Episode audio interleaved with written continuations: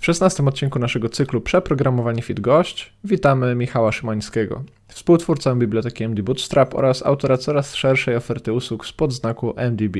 Z Michałem porozmawiamy o tym, jak w jego przypadku wygląda łączenie światów biznesu i programowania, porozmawiamy o tym, jak MDB porusza się w świecie open source i dowiemy się, czy wzrost liczby pracowników to zawsze powód do zadowolenia.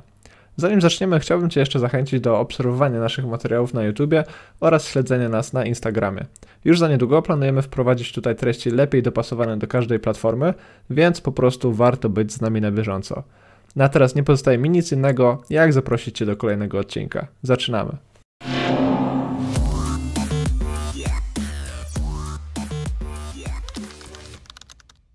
Przed chwilą rozmawialiśmy o tym, że te umiejętności, które często się sprawdzają w startupach, to są takie umiejętności komplementarne, czyli sytuacja, w której kilku wspólników może się w pewnym sensie uzupełniać.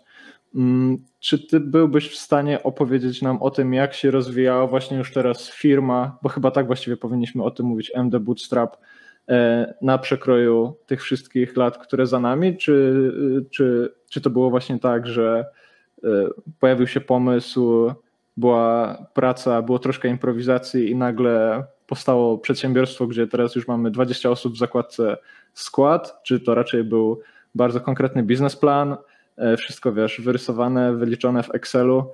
Jak to wyglądało, jak się rozwijało to wasze przedsiębiorstwo? Odnosząc się może do pierwszej rzeczy, której powiedziałeś, e, czyli ta komplementarność, moim zdaniem faktycznie jest kluczowa, zwłaszcza jeśli połączymy te umiejętności techniczne z marketingiem. To wtedy mm, taka połączona siła potrafi zdziałać niesamowite rzeczy w biznesie. I u nas to właśnie było tak, że Dawid mm, był konsultantem w Corpo. Ja prowadziłem własny biznes, agencję marketingową, byłem specjalistą SEO. I tak naprawdę e, w tym 2015 roku, kiedy postanowiliśmy zacząć współpracować. My w ogóle się tam znaliśmy, pochodzimy z jednego miasteczka, z Łowicza, znaliśmy się z liceum, natomiast straciliśmy kontakt. Potem właśnie po tych latach odnowiliśmy, uznaliśmy, że zrobimy coś razem. Natomiast mhm. E, nie był to przebłysk geniuszu, nie był to starannie zaplanowany pomysł.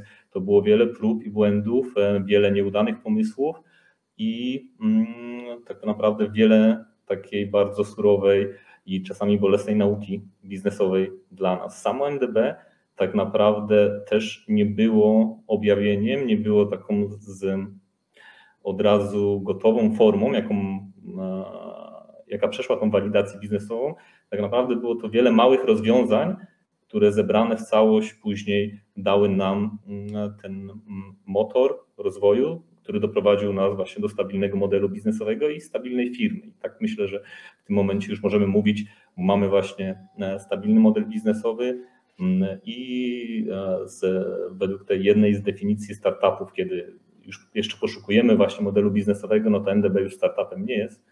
Mm. I Scale raczej nazywa się raczej nazywa się firmą. Um, tak. Czy odpowiedziałem na Twoje pytanie? Myślę, że tak. Myślę, że tak. Myślę, że tu jest dużo wątków i sporo też czasu przed nami, także wszystko to sobie będziemy po prostu po kolei rozwijać. Może też tak jeszcze słowem wstępu powiedzmy o tej w zasadzie chyba korowej działalności, chociaż może zaraz mnie poprawisz, czy to jest korowa działalność, czy nie, o samej bibliotece MD Bootstrap, o samym zestawie komponentów. Może opowiedz nam, czym jest MD Bootstrap, czym jest Material Design for Bootstrap, jak te dwa światy godzić. Myślę, że wielu tutaj słuchaczy zna i pojęcie material design, i pojęcie bootstrap, wie czym jest bootstrap, pewnie z tego bootstrapa mm, korzystali. Wy to postanowiliście połączyć. Czy takie było oryginalne założenie? To był jakby ten core waszej działalności? To najpierw odpowiadając krótko na pytanie, czym jest e, MD Bootstrap, MDB w skrócie, mhm. E, jest e, UI kitem, czyli jak słusznie powiedziałeś, zbiorem komponentów, funkcjonalności, pluginów i mm, no po prostu różnego rodzaju wspomagaczy, które pomagają szybciej tworzyć UI. Natomiast w tym momencie, a myślę, że też do tego dojdziemy później, staramy się, żeby MDB po prostu było całym środowiskiem. Od e, narzędzia do deploymentu i hostingu po playground, gdzie można w online'owym edytorze właśnie testować nasze rozwiązania i też je samemu tworzyć, e, po wszystkie inne elementy, które pozwalają jakby użytkownikowi lepiej osadzić się w tym wszystkim, co tworzymy no i po prostu szybciej i lepiej dostarczać ich własne rozwiązania. No a jakbyśmy, jakbyśmy tutaj wspomnieli jakiejś takiej osi czasu, to kiedy właśnie przeszliście na taki model takiego end-to-endowego wsparcia programisty, e, a jakby jak długo trwało to w pełni skupienie się na, na UI-u, na tej warstwie frontendowej, czyli na tym waszym korze?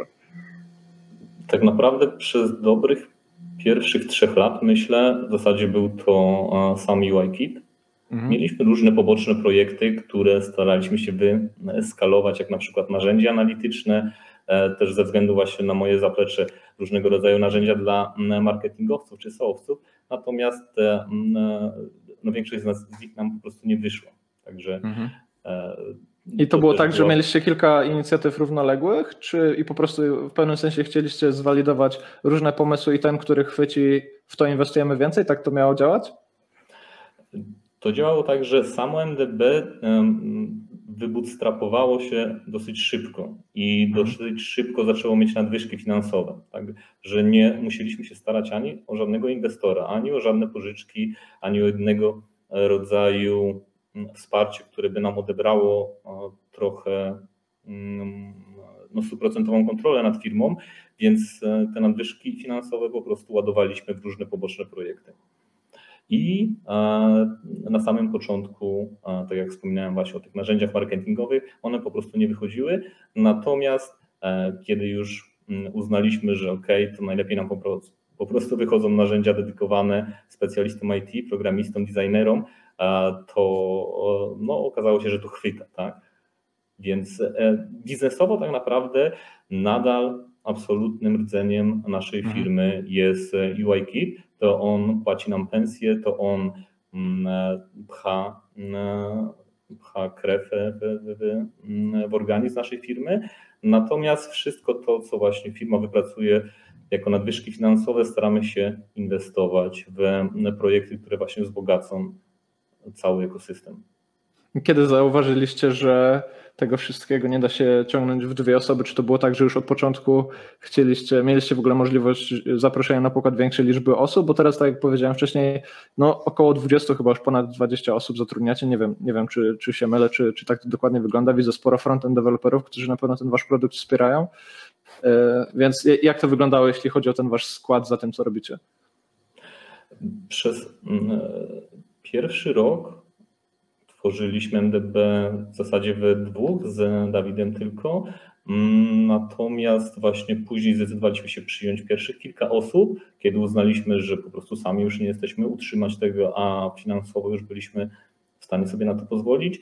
I przez mm, myślę, że około pierwszego roku trzymaliśmy się gdzieś tak około ośmiu osób.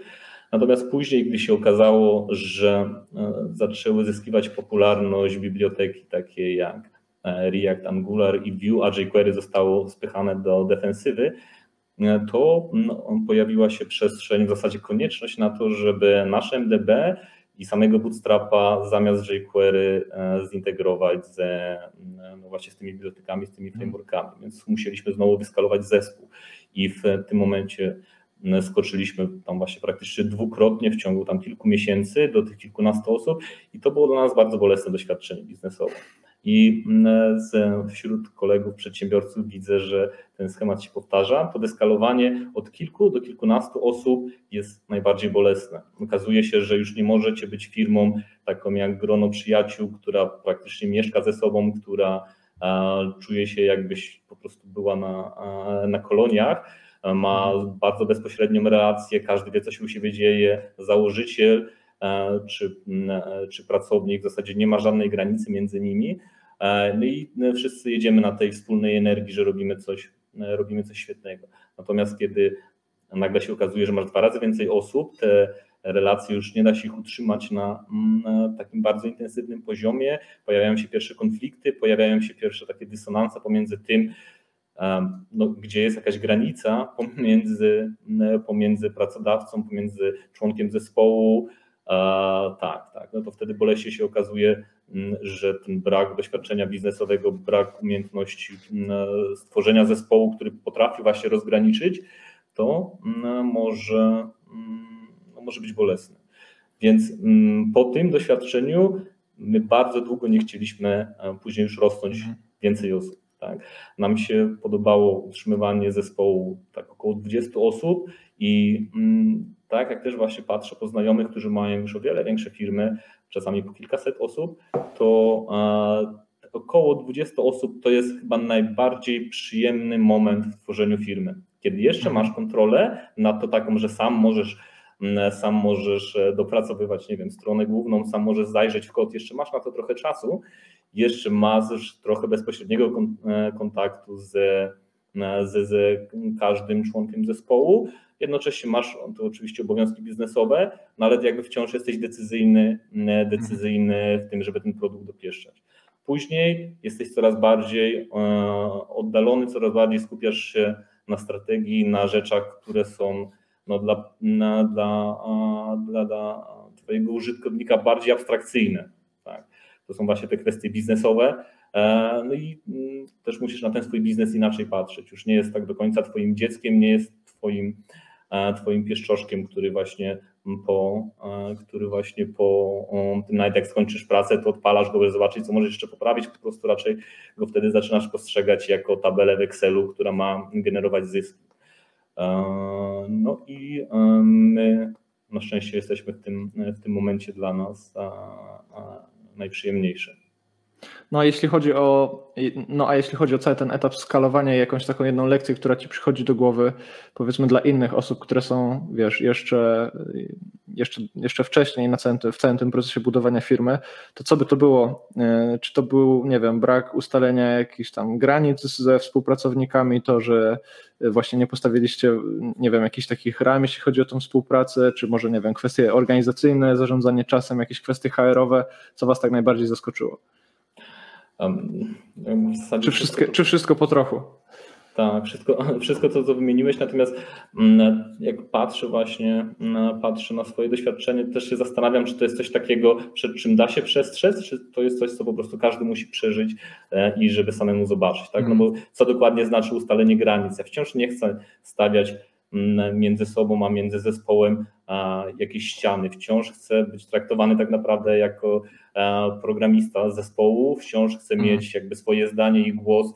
No jak mamy na przykład jakieś dyskusje techniczne, no to mój głos nie waży więcej niż kogokolwiek innego, tak? Natomiast mhm. oczywiście no, pojawia się pytanie, jak e, podejmujesz, musisz podjąć jakąś decyzję, no nazwijmy ją strategiczną, w którą stronę w ogóle pchnąć firmę, tak? Czy faktycznie powinieneś wygenerowane zasoby pchnąć w taki projekt, czy w taki projekt, tak? No jeśli tutaj widzisz, że nie masz pełnej decyzyjności w tym, bo na przykład zespół podważa zasadność i no to znaczy, że tę granicę przekroczyłeś, tak? Hmm. Więc to są dwie różne rzeczy. To na poziomie takim operacyjnym, to tak naprawdę cały czas bym chciał żeby być jak najbliżej zespołu, żeby mm, głos każdego członka i liczył się tak samo. Na poziomie strategicznym, kiedy trzeba po prostu zadecydować, zadecydować, no, porównując, porównując to do po prostu generała prowadzącego armię. Jeśli on miał być ich kilku i każdy by się zastanawiał, z której strony tą armię poprowadzić, jak ją ufortyfikować i tak dalej, no to jest przepis na klęskę. Mm -hmm. Natomiast wciąż działa bardzo fajnie na morale, jeśli generał potrafi chwycić zataczki razem z, z, z, z resztą je wozić, czy jak trzeba też za ten miecz, czyli tą tarczę e, chwycić. Czyli jakiś taki balans, tak, pomiędzy tym, żeby mieć takie spojrzenie bardziej strategiczne, ale też, żeby nie odlecieć za bardzo w powietrze i stracić z oczu te bieżące problemy firmy. Tak, tak mi się wydaje. Natomiast gdzie i dla jakiej firmy są właśnie te granice, to już chyba każdy mm. musi sam wypracować. Natomiast to też oczywiście zależy bardzo od osobistego mm, podejścia przedsiębiorcy, bo mm, mm, znam wielu przedsiębiorców, którzy tej operacyjności i tego bezpośredniego kontaktu właśnie z, z, z, z z pracownikami po prostu nie chcą, co też jest ok, prawda? Patrzą na biznes zupełnie inaczej. I prawdę mówiąc, e, to raczej tacy tworzą jednorożce, mhm. a nie tacy jak ja. Natomiast myślę, że ja mam więcej przyjemności z tego. Ale to też chyba jest tak, że każdy gra w trochę inną grę. Ja to ostatnio powtarzam coraz częściej, ale po prostu chyba ważne jest, żeby po prostu być bardziej świadomym tego, w jaką grę się gra, niż za wszelką cenę starać się gdzieś tam powielać modele u innych osób. Nie wiem, czy się zgodzisz. Tak, dokładnie, dobrze powiedziane. To najpierw właśnie trzeba zdefiniować, co się chce robić, a potem no, no i właśnie, właśnie, zaraz, zaraz chciałbym przejść do tego, co właściwie wy robicie. Tutaj jeszcze mm, przy okazji zachęcę wszystkich, którzy nas teraz oglądają do zadawania pytań. Pierwsze z nich to jest po prostu pytanie techniczne, czy będzie zapis tego live'a? Tak, znajdziecie tę rozmowę zarówno na kanale Przeprogramowani, jak, na kanale, jak i na kanale Przeprogramowani Live i na popularnych e, platformach podcastowych, więc dla wszystkich, którzy mają teraz jakieś obowiązki, to spokojnie możecie sobie to wszystko obejrzeć, posłuchać z odtworzenia. Natomiast ja właśnie, Michał, Michale, teraz chciałbym Ciebie zapytać o to, co to znaczy właśnie robić rzeczy w MDB. I może sprowadzę to, co robicie, musisz mi wybaczyć do czegoś tak trywialnego, jak robienie nakładki na bootstrapa, a ty mi powiesz, jak zrobić biznes z tej nakładki na bootstrapa. Powiedz mi, jak bardzo strywializowałem to co, to, co robicie, czym się zajmujecie i o jakich kwestiach nie mam pojęcia wokół tego wszystkiego. Hmm. E, od razu powiem, że mi się bardzo podoba ten tytuł. E, zrobić biznes nakładki na bootstrapa, bo to też mm, tak biznesowo sprowadza na ziemię. I e, wielu startupowców, ja też sam na początku chcieliśmy robić jak najbardziej zaawansowane, jak najbardziej mm. super ekstra ekscytujące rzeczy, jak chociażby właśnie to nasze narzędzia analityczne, czy no po prostu innego rodzaju projekty. Rocket Science tak, tak, tak. No a później się okazuje, że biznes e, tak naprawdę robi się na rozwiązywaniu problemów. Mhm. I e, ta nakładka na bootstrapa, no, przyczepił mi się tak naprawdę do tego, że ona, to ta definicja jakby ją formułowała w jedno rozwiązanie. Ja, mhm. Wydaje mi się precyzyjniejsze patrzenie na MDB jako po prostu szeregu różnych rozwiązań, które do siebie pasują i razem dobrze działają. Więc w, MDB po prostu staraliśmy się rozwiązywać konkretne problemy. Jednym z takich podstawowych problemów, które mm, zadecydowało o tym, że, że e, MDB zaczęło zarabiać, jest to, że e, Bootstrap, zwłaszcza w tej wersji jeszcze 3, jak my zaczynaliśmy, uchodził za po prostu brzydki. Mhm. Był funkcjonalny, bardzo ułatwiał, natomiast e, co do jego designu było wiele zastrzeżeń. Więc to był taki typowy problem... bootstrap, którego spotykałeś na co drugiej stronie, tak? Dokładnie. Tak, tak. można stwierdzić. I jednocześnie wtedy, mm, jednocześnie wtedy swój złoty okres miał mm, język projektowania Material Design. Mhm. I tak naprawdę MDB nie było pierwszym rozwiązaniem, które e, zaoferowało połączenie bootstrapa e, w formie Material Design, że było chyba z 10 takich rozwiązań. Natomiast był to jeden konkretny problem, który my rozwiązaliśmy lepiej niż inni, najwyraźniej, no bo, mm. no bo nam się udało.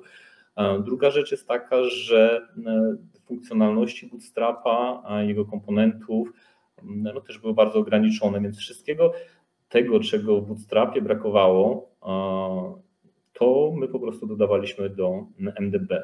Szukając po, szukając po tematach na GitHubie, na Stack Overflow, na, mm. na wszelkich możliwych forach, jakimi konkretnymi problemami e, użytkownicy e, Bootstrapa czy po prostu e, innych cestowych frameworków się borykają, no to my staraliśmy się stworzyć takie konkretne rozwiązania, a następnie tak je dostosować, żeby tworzyły wspólną całość z innymi rozwiązaniami, które oferowaliśmy. I tak myślę, że ostatnia rzecz, która zadecydowała o tym, że z nakładki do Bootstrapa udało się stworzyć biznes, było to, że zaoferowaliśmy 24-godzinny mm, support. Mhm. I um, jak to jest ze zgłaszaniem e, bugów na open source'ach, każdy wie. E, może naprawimy, może nie. No generalnie to wszystko jest za darmo, także e, no kogo obchodzi, że masz pożar na produkcji.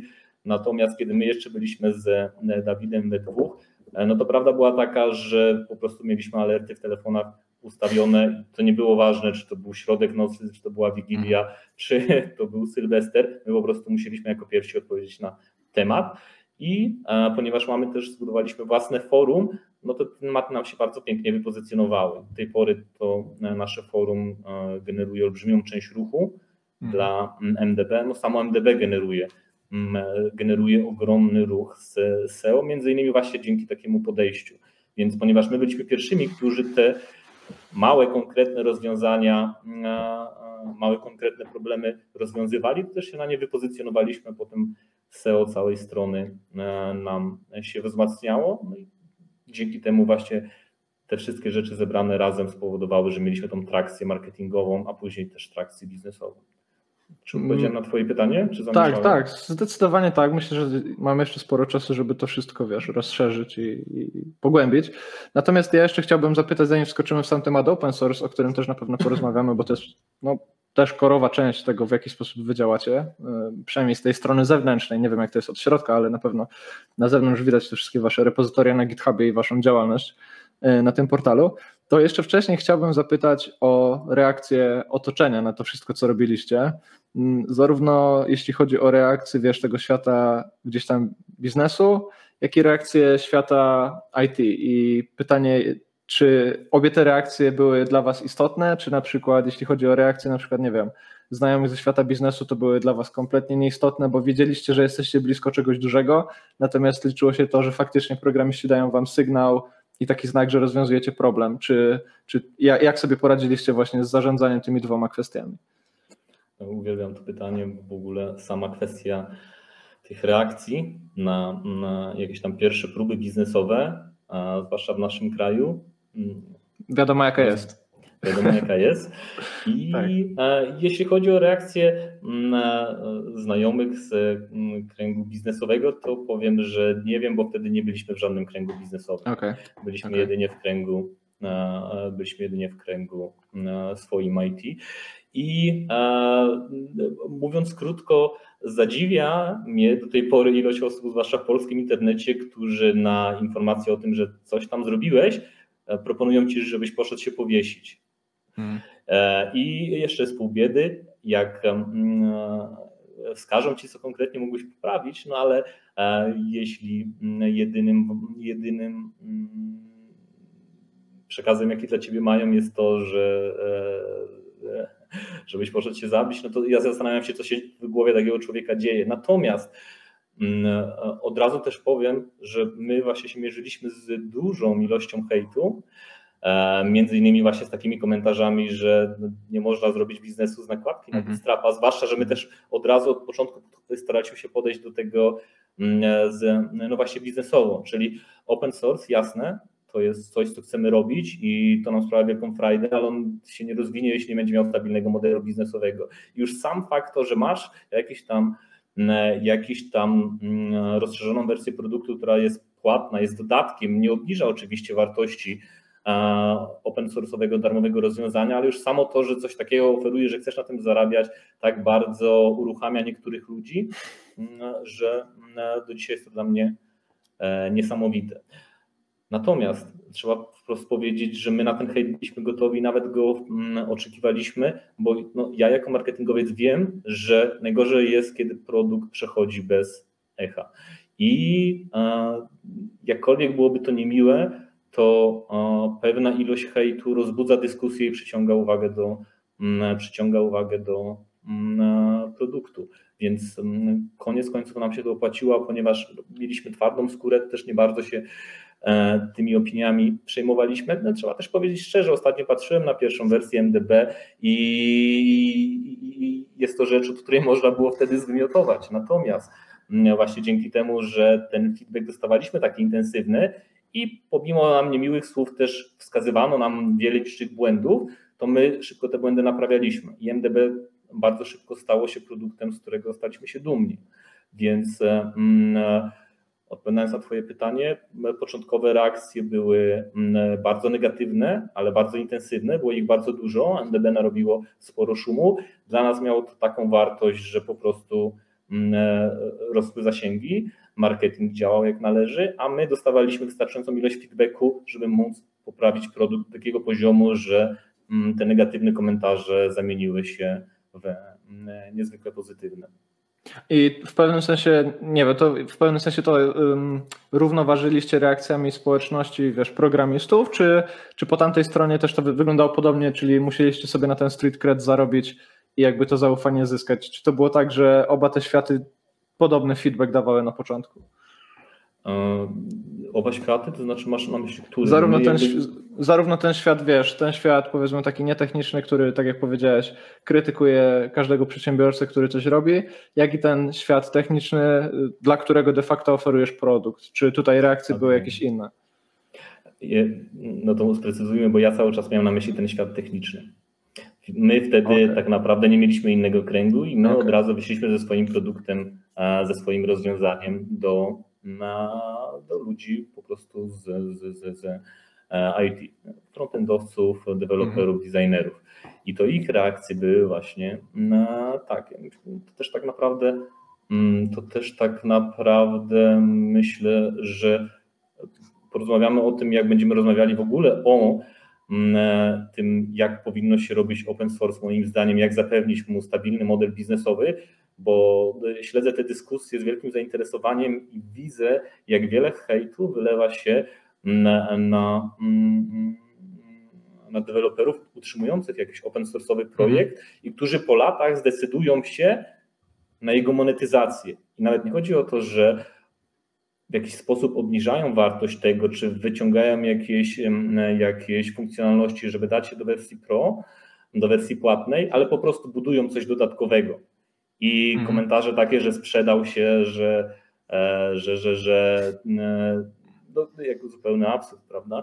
Ale mhm. E, sama myśl o tym, że mm, zakorzeniona, że open source nie powinien zarabiać, jest bardzo mocno zakorzeniona i bardzo szkodliwa, no i też uruchamia właśnie wielu hejterów. Na szczęście coraz częściej widzę po prostu dyskusje na ten temat. Tak, że mm, zapewnienie stabilnego modelu biznesowego dla open source'ów jest kluczowe, żeby one mogły się rozwijać, działać i konkurować z rozwiązaniami chociażby tych gigantów i ich płatnych, mm, ich płatnych rozwiązań.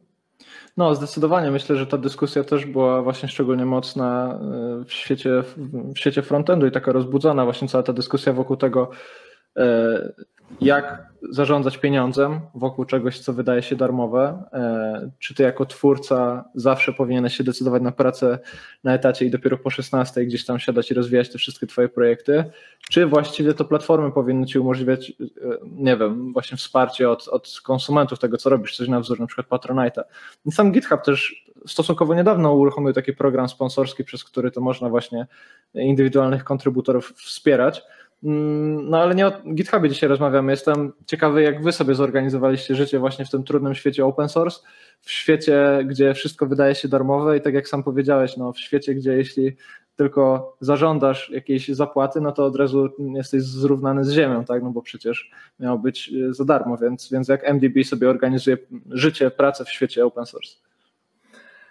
No po pierwsze, my bardzo twardo zawsze oponowaliśmy przy tym, że nie będzie open source'u, jeśli nie będzie e, jego stabilności w postaci pieniędzy, którymi można później zapłacić dewom, którzy je utrzymują. Tak? Mhm. To też jakby trzeba powtarzać jak mantrę, że to nie są pieniądze na, na nowe auto prezesa, tylko to są pieniądze dla ludzi, którzy mają klepać ten kod, którzy mają zajawkę, żeby to robić, ale też zasługują na to, żeby móc na tym zarabiać. Parafrazując klasyka, najpierw jemy, później idziemy do teatru. Jakkolwiek byśmy nie mhm. kochali open source'a, jakkolwiek byśmy się nim nie jarali, to on po prostu musi mieć zapewniony dopływ gotówki, dzięki któremu może się rozwijać, może być stabilny. I mm, e, tak jak mówimy od początku o tym mm, powtarzaliśmy i też się tym hejtem za bardzo nie przejmowaliśmy, tak jak wspomniałem, pewna doza hejtu, negatywnych komentarzy marketingowo jest pożyteczna, bo po prostu przyciąga e, uwagę do projektu. Natomiast do czego zawsze dokładaliśmy ogromną wagę, żeby absolutnie przeważająca ilość naszego wysiłku była kierowana do rozwiązań na 100% open source'owych i darmowych. I e, tak właśnie jak e, z, sprawdzicie nasze zasoby, no to zobaczycie, że większość tego, co oferujemy, jest po prostu za darmo. Tak? Więc e, dla nas znowu kluczem okazał się właściwy balans. Czyli daj wystarczająco dużo dobrego za darmo, e, a wtedy też znajdziesz wystarczająco dużo osób chcących zapłacić za jakąś wersję dodatkową, która pozwoli ci stworzyć biznes i zapłacić ludziom, którzy będą mogli znowu rozwijać tą wersję darmową. E, nie wiem, czy tu jest jakaś magia. Po prostu mm, uważam, że nie można dać się przekonać hejterom, którzy uważają, że nie masz prawa zarabiać na, mm, na rzeczy, której poświęcasz tak wiele wysiłku, tak wiele uwagi i tak wiele po prostu siebie.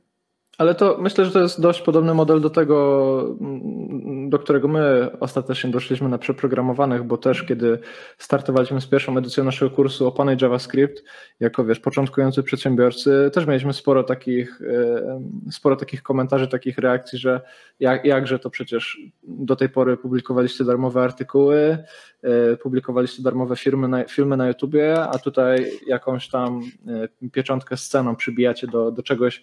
I taki sztandarowy komentarz, co przecież mogę za darmo znaleźć w internecie. Tak? To był ten komentarz, który zawsze się przewijał, szczególnie wokół pierwszej edycji. Teraz pięć edycji za nami i te reakcje na szczęście wyglądają zupełnie inaczej.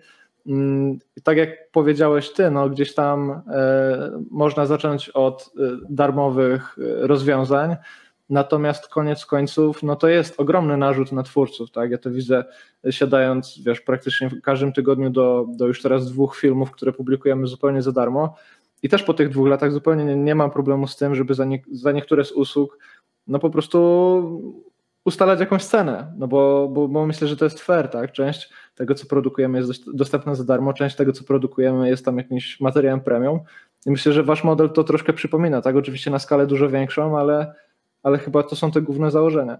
Dokładnie tak. I no, też to, co bym jeszcze dodał, że nie dałbym się nigdy zepchnąć do narożnika, do jakiejś takiej próby obrony tego, że ja mam prawo zarabiać e, na, na rzeczy, której poświęcam tak wiele wysiłku. Jakby, jeśli ktoś się mnie o to pyta, to ja osobiście jestem zdziwiony, że w ogóle takie pytanie zadał.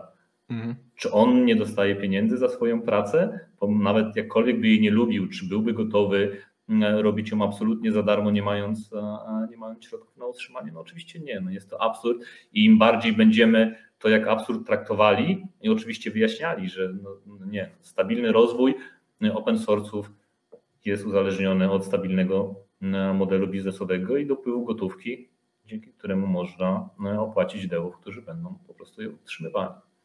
Czy mógłbyś opowiedzieć nam trochę więcej o procesie, jaki macie wokół, wokół tego, co się dzieje u Was na GitHubie? Wspomniałeś o tym, że na samym początku to był support 24 na, na 7, czy to Wigilia, czy to Sylwester. E, reagowaliście i pewnie to była jedna z Waszych przewag w porównaniu do ewentualnej konkurencji. Natomiast jakiś tam zaczątek procesu w tym wszystkim musiał być, tak? I pytanie, jak to wyglądało? Czy to były po prostu ad hocowe reakcje na alerty, czy ustaliliście sobie takie reguły, że właśnie przede wszystkim jesteście dla ludzi i to na tym budujecie to zaufanie? Co możesz tutaj o tym powiedzieć? No po tym początkowym etapie tego mm, skalowania jeszcze właśnie we dwóch, jak się pojawili już pierwsi ludzie, to oczywiście, no tak jak wspominałem, w tym małym gronie pierwszych, pierwszych członków zespołu to E, wszyscy mieli energię do tego, żeby siedzieć czasami i, i, całą noc. Nawet pomimo tego, że nikt tego nie wymagał, no ale właśnie wtedy jesteś taką startupową rodziną. Zajaweczka, że tak powiem. Tak, tak. Natomiast teraz już wiemy, że do tego trzeba być, że trzeba podchodzić bardzo ostrożnie i jak hmm. tylko się da, jakkolwiek to mało sexy brzmi, potrzebne są procedury. E, I my też e, E, e, jak na początku się szczyciliśmy tym, że nie mamy w firmie żadnych procedur, każdy po prostu jedzie na zajawce, każdy daje z siebie 1000%. Mm, e, no, jest to bardzo romantyczne, taka wizja startupowca, który po prostu chce tworzyć, ma swoich ziomków i, i razem zdobędą świat, zostanie szybko sprowadzona na ziemię, kiedy pojawią się pierwsze problemy, konflikty. Więc później z mm, ratunkiem przychodzą te znienawidzone i pogardzane procedury. No i w tym momencie u nas mm, działa to tak, że oczywiście każdy pracuje w standardowych godzinach, bardzo my bronimy się przed tym, żeby robić jakiekolwiek nadgodziny. Teraz w etapie pracy zdalnej, pomimo tego, że dajemy elastyczność, że jak ktoś chce, no to tak naprawdę może sobie mm, pracować etapami i jak mu gorzej jest rano stać, to pracuje wieczorem, ale też bronimy się przed tym. Jak widzimy, że ktoś notorycznie mm, kończy pracę za późno, no to jakby rozmawiamy, dlaczego tak jest, że to nie chcemy, żeby ktoś wyciskał z siebie więcej niż jest to zdrowe. Natomiast jeśli chodzi o ten support, to my od samego początku staraliśmy się, w ogóle my żyjemy w takiej trochę paranoi, że niech bardzo chcemy zostawiać jakąkolwiek naszą twórczość zewnętrznym, zewnętrznym platformom, czyli nie chcieliśmy, żeby te wątki z problemami kierowane były na naszego GitHuba. Nie chcieliśmy, żeby na najwięcej tematów było o nas na Stack Overflow. Nie chcieliśmy tego robić na jakichś tam innych zewnętrznych narzędziach, chcieliśmy mieć swoje, no, z prostego względu, że ja jako specjalista SEO wiedziałem, że absolutna kontrola mm, nad, nad treścią pozwala po prostu później te SEO zyski e, te SEO zyski przekuwać e, no, w napęd biznesowy. Więc e, każdy temat, który się u nas tak naprawdę pojawia na jakiejś zewnętrznej platformie, był od razu przekierowywany na nasze własne forum i do tej pory właśnie ono jest jakby e, jest głównym punktem styku pomiędzy społecznością a naszymi devami. I też do czego przykładam olbrzymią wagę, to jest to, żeby każdy z nas tych devów bez względu na swój poziom e, e, codziennie godzinę na saporcie spędzał, żeby nie tracić kontaktu z użytkownikiem, żeby nie tracić kontaktu z klientem, żeby mieć faktycznie pogląd na to, co użytkownicy z MDB budują i Mm, z jakimi problemami się borykają, bo bez tego bardzo łatwo zacząć tworzyć rozwiązania, które nam się wydają super sexy, e, są ekstra, okazuje się, że tak naprawdę nie tego potrzebują mm, twoi użytkownicy. A także e, jak ktoś spojrzy na forum MDB, to zobaczy, że nawet tam założyciele co jakiś czas mają swoje dyżury na saporcie e, i bardzo sobie to cenią. Natomiast też staramy się, żeby ten support, a, a, oczywiście dla klientów jest to inaczej, no bo oni mają wykupione to w pakiecie, natomiast w wersji darmowej, żeby też po prostu był sensownie zrobiony, bo nad, użytkownicy potrafią zgłaszać mnóstwo rzeczy, które nawet nie są błędami, ale są jakby pomysłami, sugestiami, można na tym siedzieć bez końca. Natomiast jeśli nasz zespół by siedział nad takimi rzeczami i tam rozwiązywał je, jakby niezależnie od, od, od, od, um, od wizji na produkt, to by się okazało, że nie mamy czasu, żeby go faktycznie rozwijać w um, wyznaczonym kierunku. Więc znowu zdrowy balans pomiędzy, pomiędzy jednym a drugim. No i tutaj pojawia się też taka kwestia związana z balansowaniem pomiędzy dwoma backlogami. Z jednej strony wystawiacie na świat ten backlog publiczny, zewnętrzny, z drugiej strony na pewno macie backlog wewnętrzny. Mm, no i pytanie, jak wy balansowaliście pomiędzy tymi dwoma światami? Czy na przykład, nie wiem, ustalaliście sobie jakieś cele kwartalne, jakieś cele półroczne y, i właśnie to była ta strategia, o której wcześniej powiedziałeś, natomiast do tego na dokładkę braliście ten feedback od użytkowników, czy jakoś inaczej to wyglądało? Działamy w modelu kwartalnym, znaczy planowaniu mhm. kwartalnym i mm, po prostu pod koniec każdego kwartału podsumowując zrealizowane cele, zadania, mamy przez cały kwartał zbierane zadania, pomysły, bugi. E, czy od naszego zespołu, czy od naszych użytkowników to wszystko ląduje na jedną tablicę w Trello i później po prostu weryfikujemy te, które e, naszym zdaniem są najlepsze, głosujemy wewnątrz zespołu, jeśli mamy wątpliwości, albo po prostu patrzymy, które tematy pojawiały się najczęściej wśród e, naszej społeczności.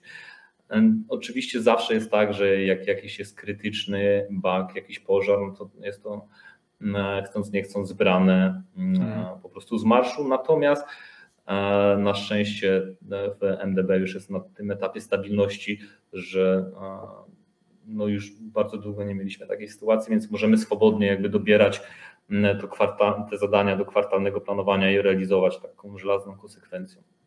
Może tutaj pokażmy jeszcze tym, e, którzy oglądają nas na YouTube, jak wygląda taki board u Was, bo myślę, że to jest e, coś ciekawego. Myślę, że to jest strategicznie też bardzo, bardzo interesująca mm, decyzja o tym, żeby właśnie cały ten feedback i ruch wokół produktu trzymać wewnętrznie. Mógłbyś coś więcej opowiedzieć, jak takie forum u Was działa, co się tutaj dzieje? Rozumiem, że mechanizm jest podobny do GitHubowych issuesów, czy, mm, czy, czy, czy tutaj są jakieś różnice?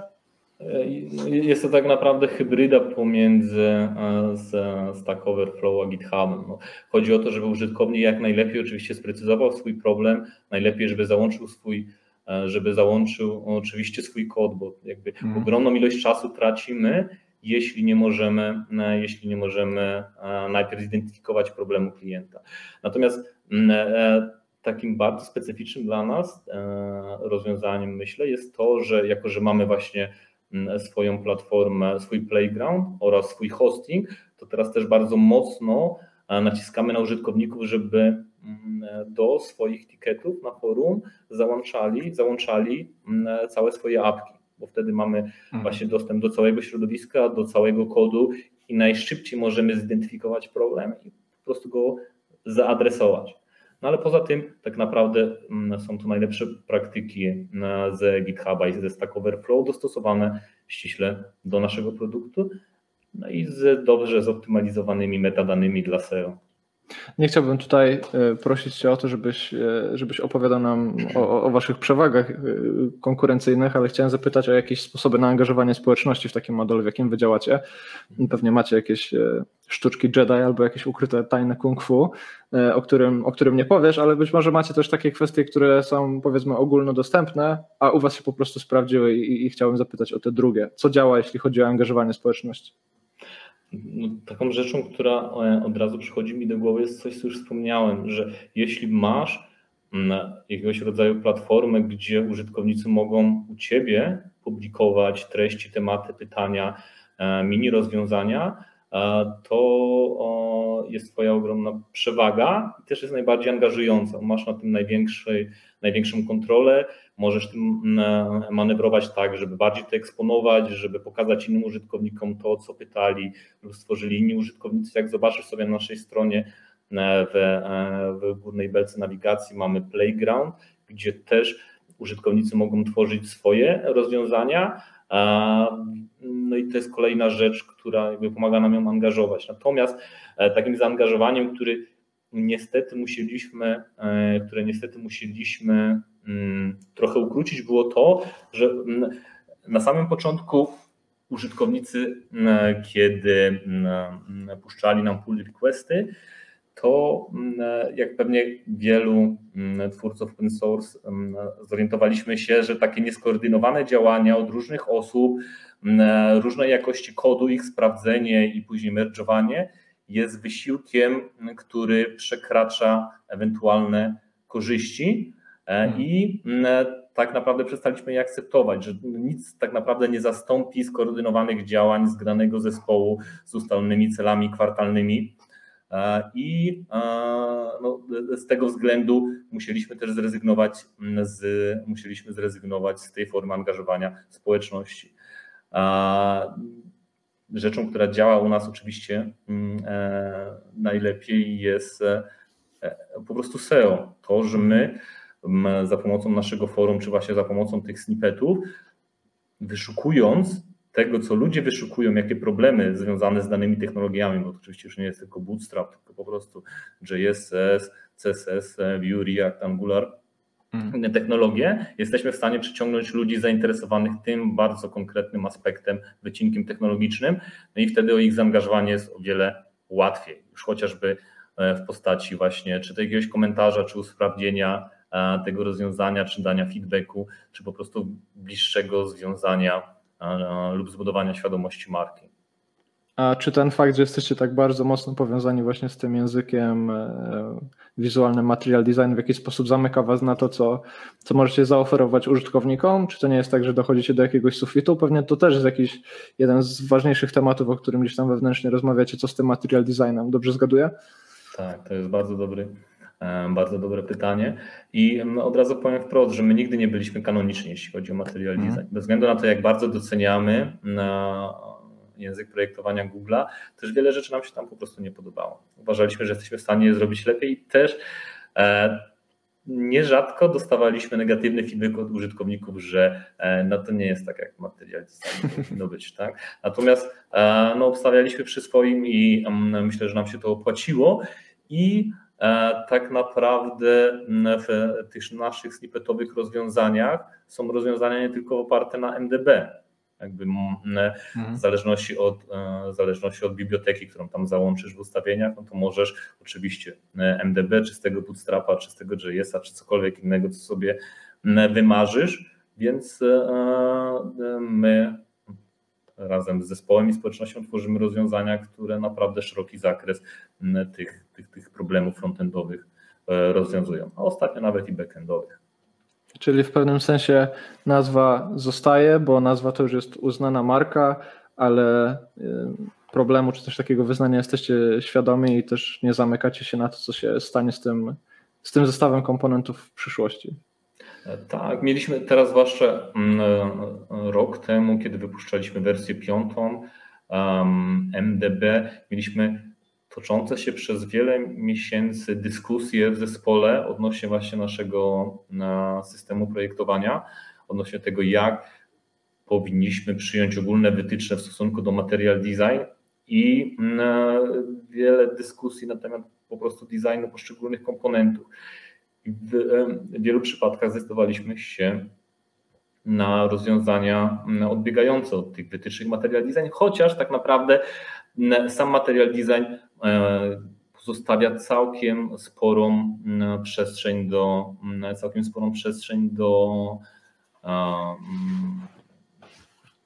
zapomniałem słowa. Do, do, do improwizacji, do no, rozszerzenia. No tak, tak, że możesz być wystarczająco elastyczny, żeby być usatysfakcjonowanym mhm. i nie czuć się, że jakby jesteś tak bardzo ograniczony. Oczywiście ograniczenia są, no, nie, nie tak bardzo, nie tak bardzo krytyczne, jak mm, myślę wiele osób może, mm, może sądzić. No, tak, jesteśmy, jesteśmy tak naprawdę bardziej przywiązani do marki MD Bootstrap, czy nawet MDB, zdając mhm. sobie sprawę, że ten materiał u nas schodzi coraz na dalszy plan i kto wie, może kiedyś w ogóle po prostu się go pozbędziemy z, z marki, no a może nie, ale e, furtka nie jest zamknięta na pewno. Takie pytanie, które teraz przyszło mi do głowy w momencie, kiedy opowiadałeś o tych wytycznych material design, e, czy przez jakby profil waszej działalności otworzyły wam się furtki czy to do, nie wiem, jakichś e, osobowości z okolic Google, czy to, z, e, czy to do osób, które na przykład nie wiem, zajmują się konsultingiem w zakresie designu, których po prostu sami byli, z, z powodu których byliście sami zaskoczeni, czy po prostu bazujecie na dokumentacji, która jest w sieci i to są jakby dyskusje wewnętrzne, jeśli chodzi o to, co budujecie, co produkujecie. Na ile macie taki dostęp troszkę insiderski do tego, jak ten material design wygląda? Nie, nie, nie mamy takiego dostępu, też nigdy się o niego nie ubiegaliśmy, po prostu, zwłaszcza, no, tak jak powiedziałem, często byliśmy niekanoniczni i nie jesteśmy, mm. więc e, no, nie uczestniczyliśmy tam ani w dyskusjach jakichś wewnętrznych, googlowskich, mm. żeby, e, żeby spróbować jako na, na to wpłynąć. Czyli bar, bardziej guide, guideline, ale taki pragmatyczny niż, niż polityka, której trzeba się trzymać za wszelką cenę. No tak, mm. dokładnie tak. Chciałem tutaj y, nasz, do tej naszej rozmowy zaprosić y, jednego z bardziej popularnych obecnie graczy na frontendzie, a mianowicie Tailwinda. Y, myślę, że to jest też, też ciekawy temat, szczególnie ta relacja pomiędzy Bootstrapem i Tailwindem i przede wszystkim te dwa podejścia, które no, często stawia się w przeciwieństwie do siebie, to znaczy podejście component first i utility first, mm, ale tak naprawdę można się zastanawiać, czy to naprawdę są tak bardzo przeciwne podejścia. Więc chciałem Ciebie zapytać, jak dużo zamieszania narobił Tailwind, y, jak dużym wyzwaniem dla Was jest y, być może konkurowanie z Tailwindem, z tym zestawem komponentów, które Tailwind oferuje, jak Wy się sami pozycjonujecie w stosunku do tego rozwiązania? Tailwind narobił bardzo dużo zdrowego zamieszania w CSS-ie i no, ja osobiście jestem zachwycony tym, co zrobił. Nawet już pomijam tego, jak sam się odnoszę do tego rozwiązania, ale to, że wywołał taką dyskusję na ten temat. I to na pewno jest zdrowe, bo dominacja Bootstrapa przez te lata była tak bardzo przytłaczająca. Mm, jeśli dobrze kojarzę, to właśnie e, tam przez ostatnich parę lat e, pod względem ściągnięć z NPM a Bootstrap był większy niż 10 kolejnych rozwiązań. E, Prawda, tak.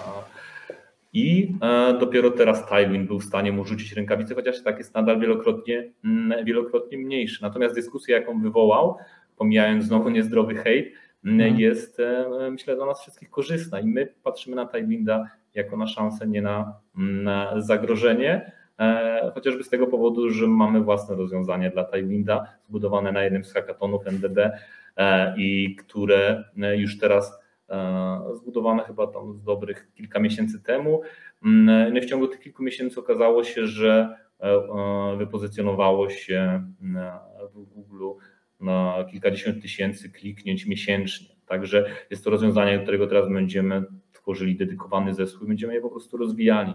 Natomiast mm, też tak sobie myślę, że mm, to przeciwstawianie e, Bootstrapa Tailwindowi i tego podejścia utility first i component first też jest trochę na wyrost, ponieważ Bootstrap już od dawna oferował bardzo szeroki zakres utilities. Mało tego z wersją piątą, nawet może i z czwartą, w którejś tam, w którejś tam mm, w którymś wydaniu e, oferował, stworzyli mm, API do SCSS-ów, gdzie można bardzo łatwo wygenerować wygenerować e, kolejne utilities.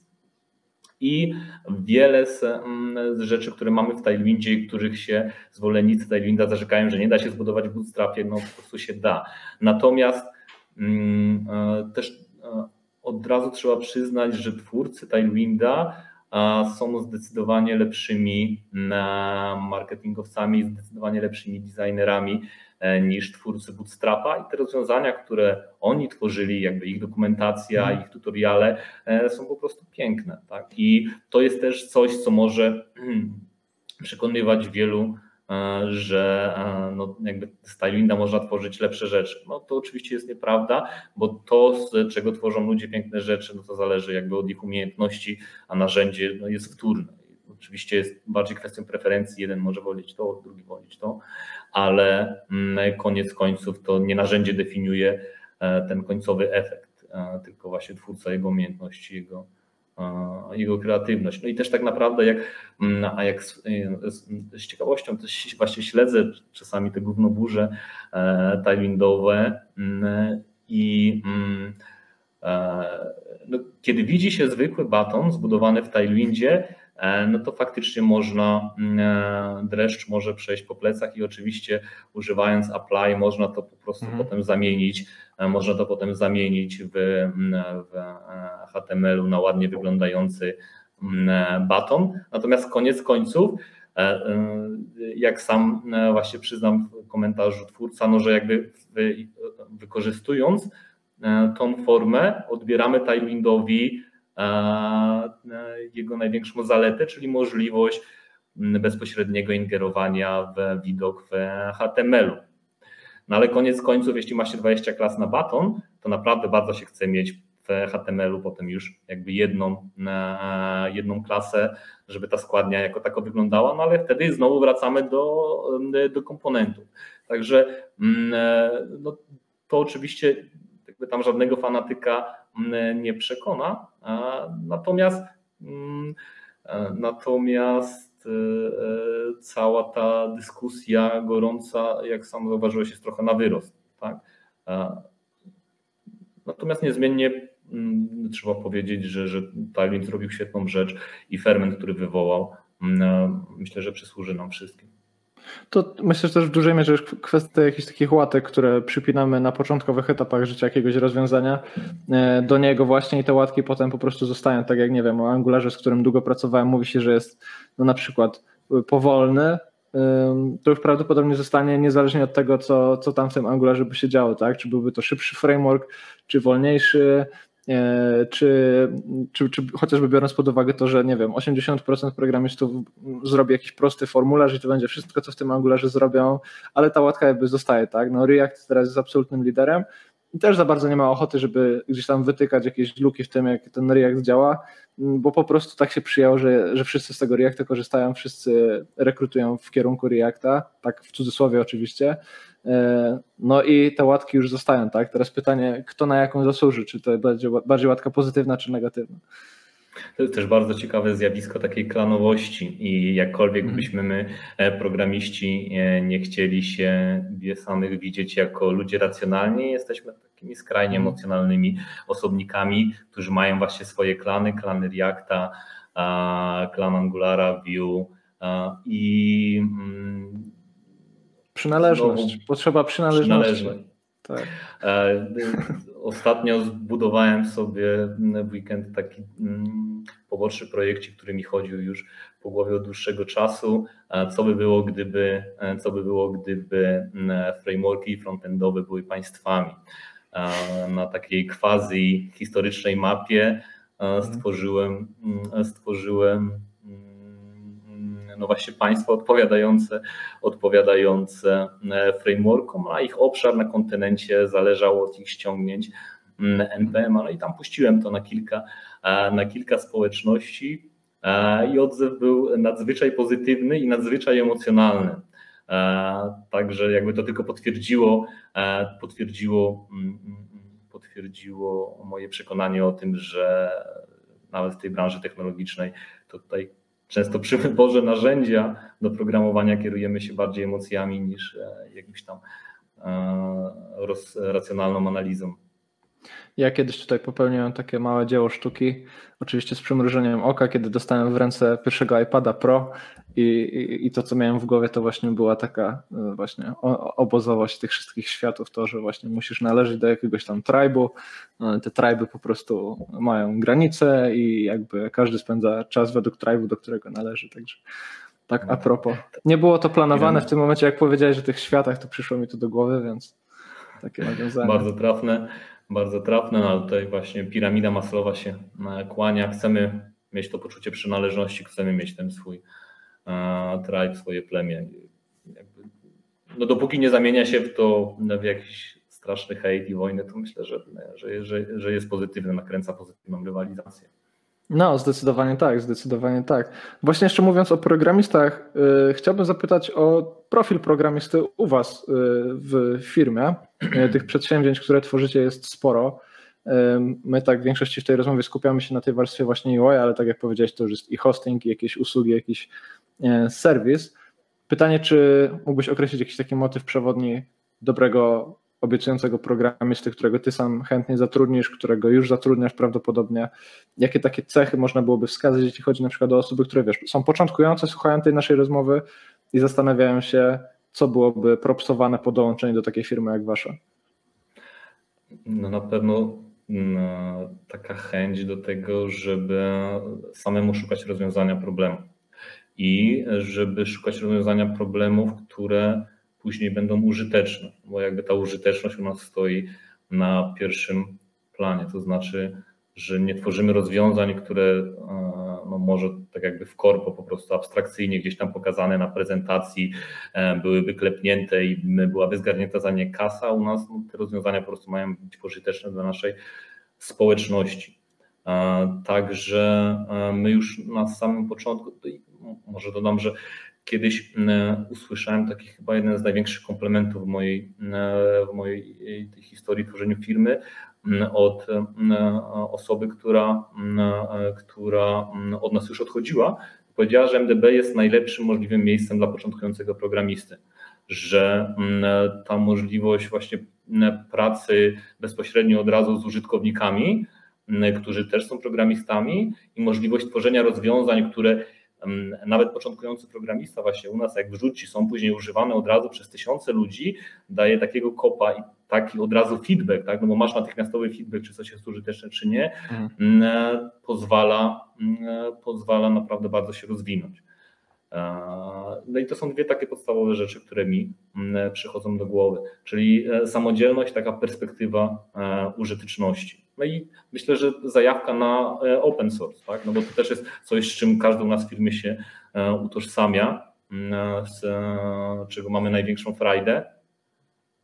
No bo też powiedzmy sobie szczerze, w mm, IT większość z nas jest na tak komfortowej mm, sytuacji jakby finansowo-materialnej, że chcemy od pracy czegoś więcej niż po prostu coraz wyższych zarobków. Chcemy czuć, że robimy coś pożytecznego, chcemy mieć z tego frajdę, chcemy mieć jakiś tam kontakt właśnie ze społecznością i no, w MDB to jest, w MDB można to poczuć i myślę, że widać, że to jest dla nas ważne.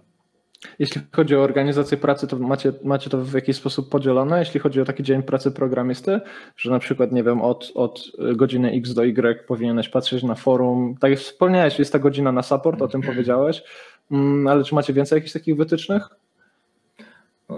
Zaczynamy właśnie od tej godziny supportu mhm. maksymalnie, więc nawet jak widzimy, że ktoś, że ktoś właśnie siedział nad tym za dużo, no to też jakby rozmawiamy, skąd to wynikało, czy to faktycznie był pożar, że trzeba było na tym siedzieć, czy nie.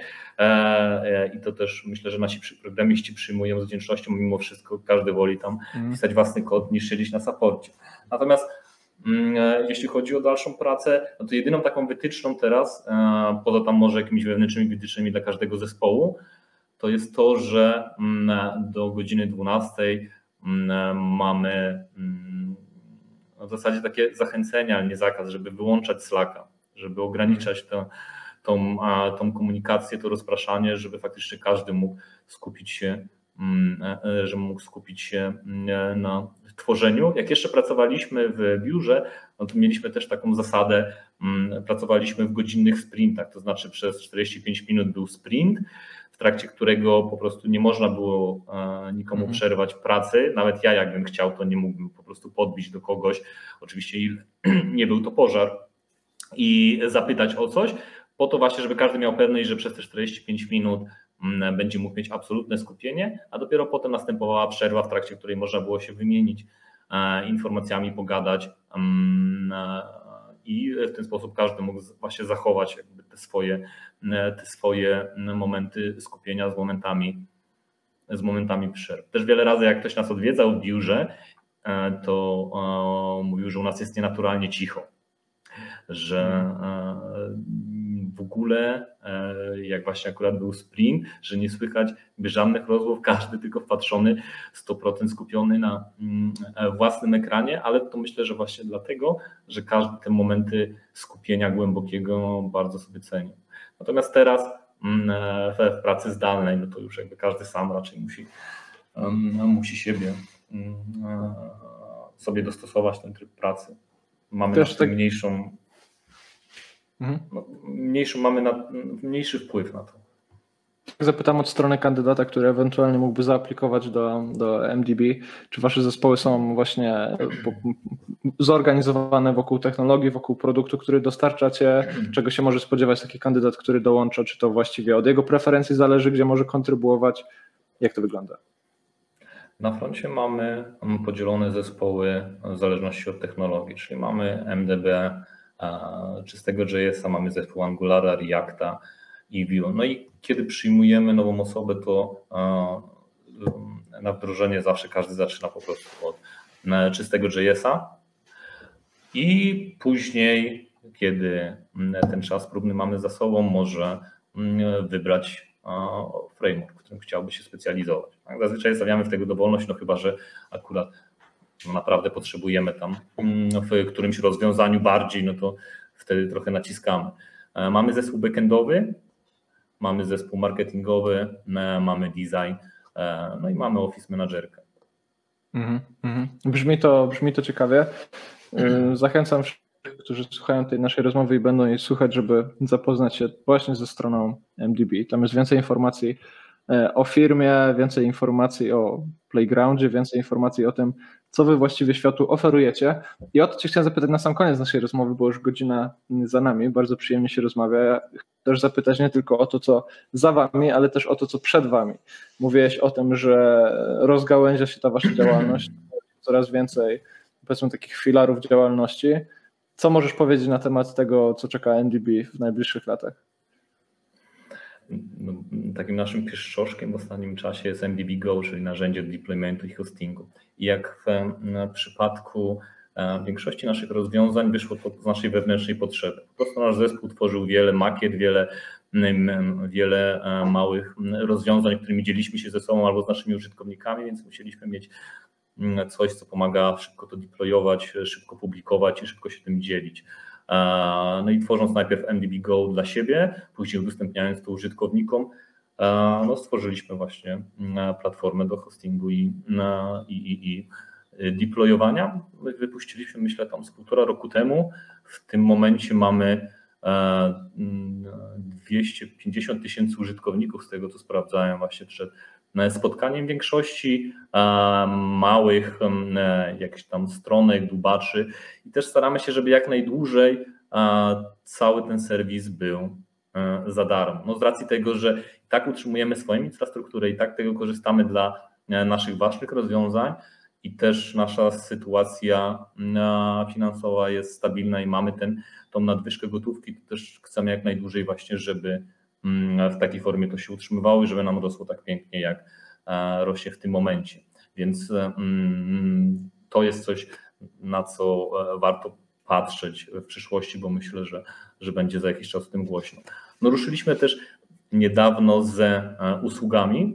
Do tej pory, do tej pory, no tak, trzeba powiedzieć, że jesteśmy w, w, w porównaniu do software house'ów w komfortowej sytuacji, bo my nie szukamy klientów, tylko do nas po prostu się zgłaszali klienci MDB, którzy pytali, czy coś możemy im zaoferować, jeśli chodzi o usługi. My do tej pory przez lata odmawialiśmy, chcąc się skupić na produkcie, natomiast MDB zyskało no właśnie taką stabilność, że możemy swobodnie po prostu zdejmować ludzi z projektu, nie obawiając się, że to nam w jakiś sposób tam zaburzy projekt, więc też E, no, taką wartością jest to, że od razu mamy klientów z zagranicy ze, ze stawkami z USA, mm, co mm, też pozwala nam patrzeć no, z, z takim dużym optymizmem właśnie na tą naszą, na, na tą naszą kolejną e, nogę. Także myślę, że e, niestety już dłużej się nie utrzymamy przed, nie, nie, nie będziemy mogli się powstrzymywać przed powiększaniem zespołu i nas to wkrótce ja myślę, że to jest taki jeden z bardziej przyjemnych problemów, taki problem pierwszego świata, który, który, który wielu przedsiębiorców chciałoby jednak zobaczyć, tak? bo gdzieś tam statystyki pokazują, że to raczej brak takiego problemu jest częstszym problemem. Natomiast jeśli u Was jest ta możliwość, żeby się skalować, no to, no to sam jestem ciekaw, co z tego wyjdzie, jako, jako takie rozwiązanie e, lokalne z naszego rynku, któremu też będziemy na pewno na przeprogramowanych kibicować. Dziękuję bardzo. Chciałem zapytać na sam koniec, czy mógłbyś polecić naszym słuchaczom, naszym widzom mm, coś, co w ostatnim czasie szczególnie mocno wpłynęło na ciebie, jeśli chodzi o twój rozwój, czy to jakaś książka, czy to jakaś obserwacja, czy to może jakiś film, czy to jakiś post, czy to jakiś artykuł, jakiś autor. Jedna taka rzecz, z którą zostawilibyśmy wszystkich, którzy tutaj byli z nami przez tą rozmowę. Zastanawiam się, mm, czy e, jak bardzo byłoby to pożyteczne. Natomiast mam no, w ostatnim czasie sporo takich rozkminek wynikających naprawdę chyba z problemów pierwszego świata e, i e, no, wynikających z doświadczenia osoby, która już jest i materialnie spełniona i już wystarczająco wiele zwiedziła świata i zastanawiam, zastanawiam się jakby co mógłbym zrobić, żeby no, po prostu robić coś więcej niż poza czubek własnego nosa nasze e, działalność charytatywna, temat na zupełnie osobną rozmowę jest mm. teraz moim takim moczkiem w głowie, ale książką, która też mnie do tego sprowokowała, ale też pewnie znaną, więc tutaj nie będę, nie będę za bardzo odkrywcy, odkrywczy. AI Superpowers e, od Kai Fu Lee, gdzie, e, gdzie no jeden z bardziej znanych inwestorów z Chin opowiada o rywalizacji na, na, na, na, na pomiędzy Chinami, USA na tym obszarze właśnie sztucznej inteligencji. Natomiast w tle są jego osobiste problemy związane z rakiem mózgu, o ile dobrze pamiętam. I e, co to w zasadzie dla niego znaczy? Dlaczego to straszne wydarzenie, tą chorobę uznał za jeden z największych darów, jakie dostał w życiu i jak zmieniło to jego postrzeganie później właśnie jego pracy zawodowej.